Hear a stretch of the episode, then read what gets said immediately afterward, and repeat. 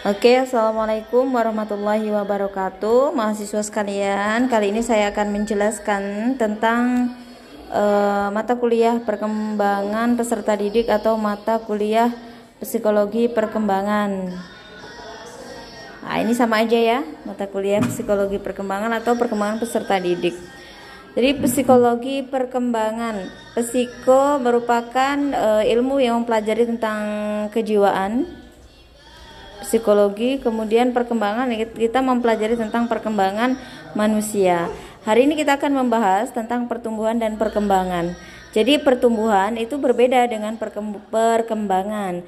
Pertumbuhan merupakan perubahan yang terjadi pada manusia eh, yang berkaitan dengan fisik, misalnya dari kecil menjadi besar, menjadi dari pendek menjadi tinggi. Nah, ini kaitannya dengan kuantitas atau jumlahnya ya jumlahnya semakin tinggi, semakin besar, seperti itu. Berbeda dengan perkembangan. Perkembangan ini lebih ke kuantitas. Lebih ke kualitas, mohon maaf, eh, lebih ke kualitas ya. Kualitasnya menjadi lebih besar, eh, lebih baik atau mengalami progresivitas yang yang bertambah ya, seperti itu. Pertumbuhan. Ada beberapa faktor yang mempengaruhi pertumbuhan. Pertama gen, kemudian ada lingkungan. Lingkungan ada internal dan eksternal. Lingkungan internal dari dalam diri seperti e, keturunan dan lingkungan di dalam rumah. Eksternal dari luar rumah seperti e, lingkungan sosial atau lingkungan tempat dia bermain bersama teman-temannya.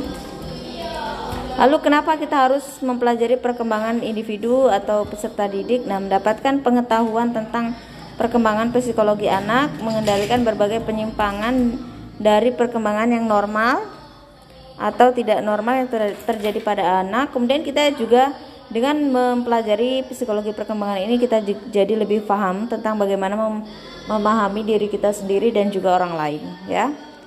Nah, ini dia tentang perkembangan. Perkembangan lebih bersifat progresif ya, yang berkaitan dengan kemampuan seseorang dan lebih pada kualitasnya. Misalnya menjadi lebih pinter, begitu.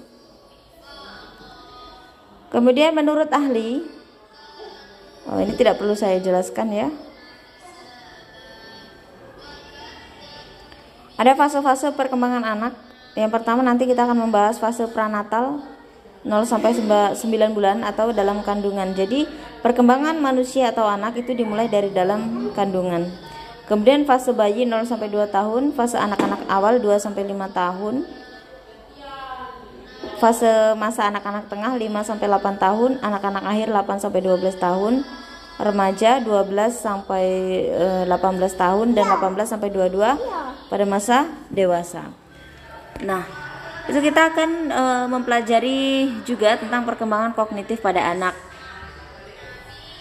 Kemudian hukum-hukum perkembangan manusia, bagaimana perkembangan bayi 0 sampai 2 tahun, kemudian perkembangan e, anak 2 sampai 6 tahun, kemudian anak SD, anak sekolah menengah, kemudian tugas-tugas perkembangannya.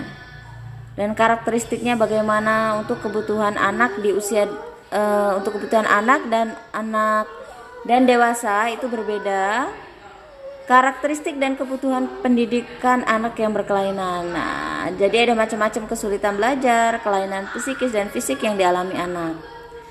Implikasi karakteristik peserta didik terhadap penyelenggaraan pendidikan. Nah, ini berkaitannya dengan pendidikan. Jadi sebenarnya ini yang saya berikan tentang perkembangan anak e, peserta didik ya tapi sama aja tidak terlalu berbeda dengan psikologi perkembangan anak. Karena ini masih uh, melingkup uh, melingkupi perkembangan anak yang saya jelaskan.